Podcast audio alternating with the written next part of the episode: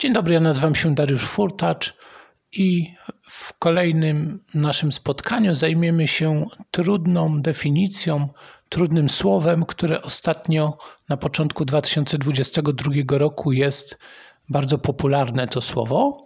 Mianowicie mam na myśli dyskryminację.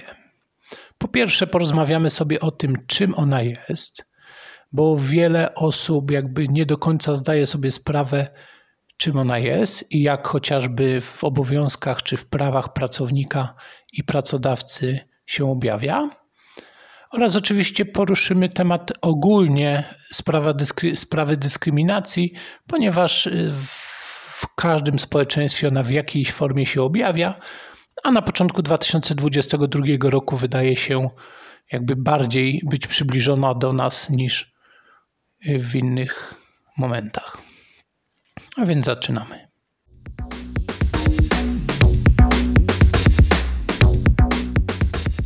Po pierwsze, czym jest dyskryminacja?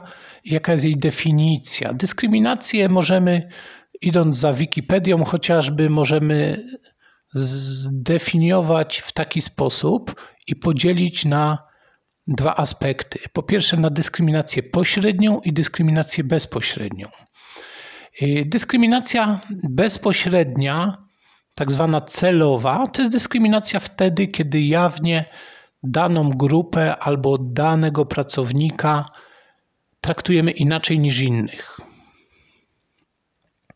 Czy ze względu na płeć, rasę, zdrowie, niepełnosprawność traktujemy pewną osobę gorzej od innych i tak zwana dyskryminacja pośrednia, czyli niecelowa, wtedy kiedy sytuacja jest podobna, też kogoś traktujemy gorzej lub pewną grupę faworyzujemy, natomiast ona jest trochę ukryta, czyli mamy jakieś rozporządzenie, mamy jakąś regulację, mamy jakiś regulamin, który wydaje się, patrząc z zewnątrz, bardzo obiektywny, natomiast on zabrania albo uniemożliwia pewnym osobom pewne sprawy.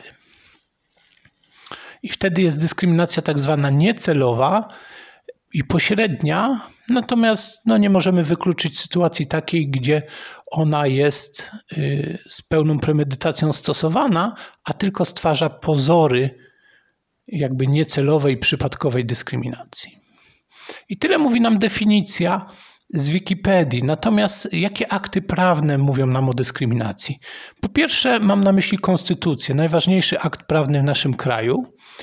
I w konstytucji jest napisane: Wszyscy są równi wobec prawa, wszyscy mają prawo do równego traktowania przez władze publiczne.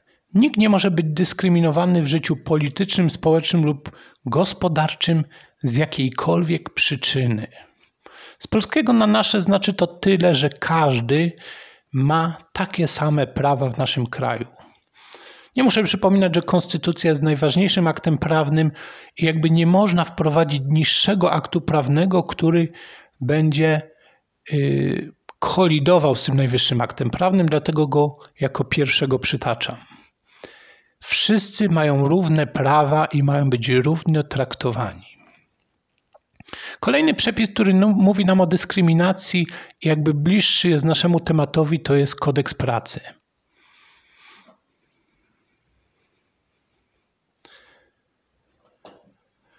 Kodeks pracy mówi, albo nawet nie mówi, tylko jest w nim napisane, jakakolwiek dyskryminacja w zatrudnieniu bezpośrednia lub pośrednia w szczególności ze względu na płeć, wiek, niepełnosprawność, rasę, religię, narodowość, przekonania polityczne, przynależność związkową, pochodzenie etniczne, wyznanie, orientację seksualną, zatrudnienie na czas określony lub nieokreślony, zatrudnienie w pełnym lub niepełnym wymiarze czasu pracy jest niedopuszczalne.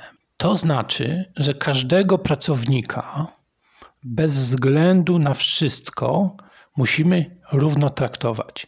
Nie może być sytuacji takiej na przykład, że jeden pracownik ma wyższą stawkę godzinową, bo jest naszym stałym pracownikiem zatrudnionym na pełnym etacie, a drugi pracownik na podobnym stanowisku z podobnym stażem pracy ma niższą stawkę godzinową, bo jest jakby dodatkowym pracownikiem i który tylko wypełnia luki, bo brakuje nam tego pół etatu.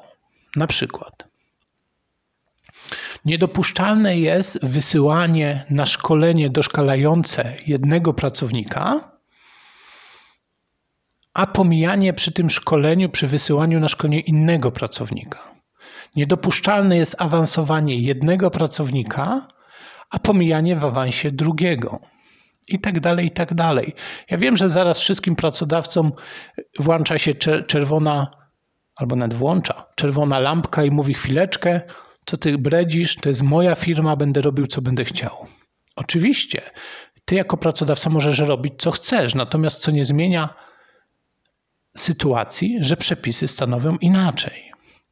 Dojdziemy do etapu yy, odpowiedzialności za nierówne traktowanie i wtedy zobaczymy, że przepisy niestety są nieubłagalne, natomiast yy, udaje się to w naszym kraju, udaje się to naszym pracodawcom tylko dlatego, pomijanie pewnych osób przy, przy pewnych awansach, czy wysyłaniu na szkoleniu, czy nawet wprost dyskryminowanie, yy, dlatego, że pracownicy nie znają tych przepisów.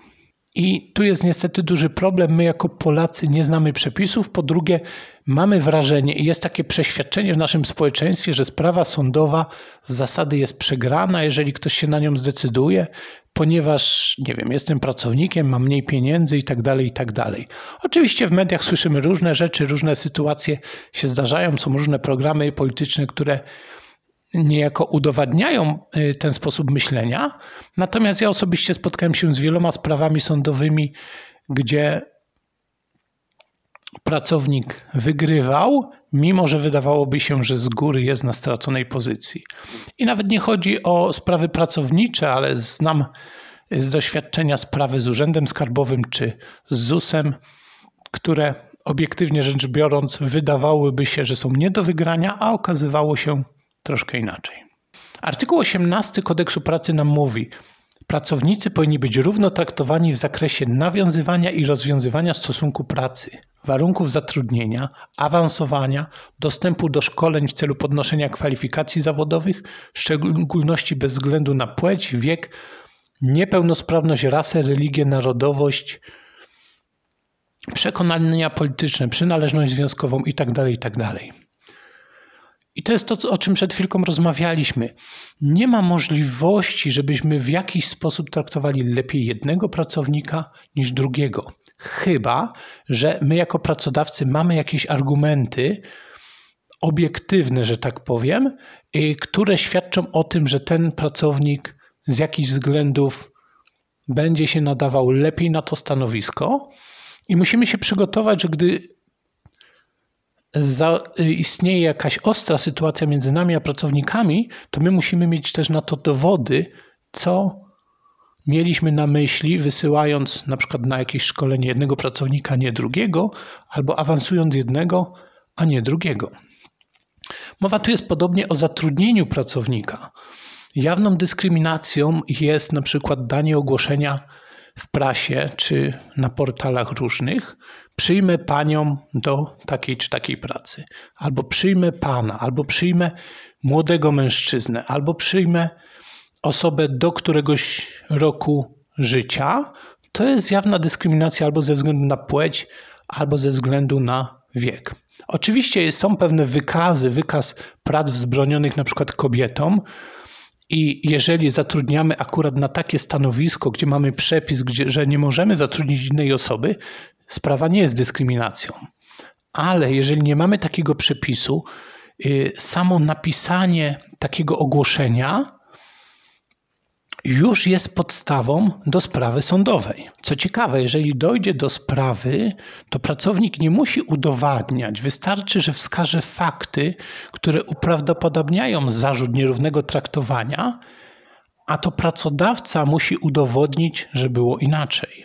Artykuł 18.3d w tym artykule jest napisane osoba, wobec której pracodawca naruszył równego traktowania w zatrudnieniu, ma prawo do odszkodowania w wysokości nie niższej niż minimalne wynagrodzenie za pracę. W 2021 roku to było 2800. Co ciekawe, nie ma górnej granicy odszkodowania. Zwróćmy uwagę, że tu nie jest napisane pracownik, tylko osoba.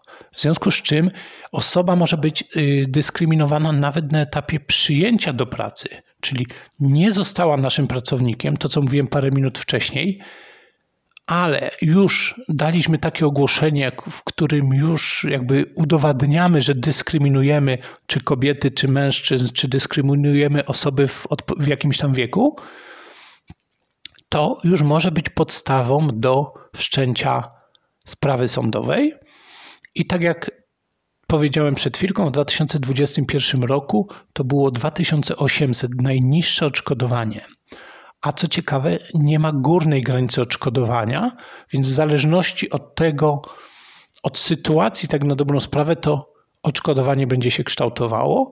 I znam osobiście kilka przykładów właśnie spraw sądowych związanych z dyskryminowaniem na etapie zatrudniania pracownika i naprawdę radzę zastanowić się, zanim napiszemy ogłoszenie o pracę, zastanowić się, jak je piszemy i jak to może być odebrane z drugiej strony. Chyba, że mamy jasne argumenty, dlaczego tak czy inaczej piszemy i jesteśmy w stanie to udowodnić, sprawa jest prostsza. Natomiast jeżeli nie, możemy się liczyć z tym, że prędzej czy później spotkamy się w sądzie i może się okazać, że przegramy taką sprawę.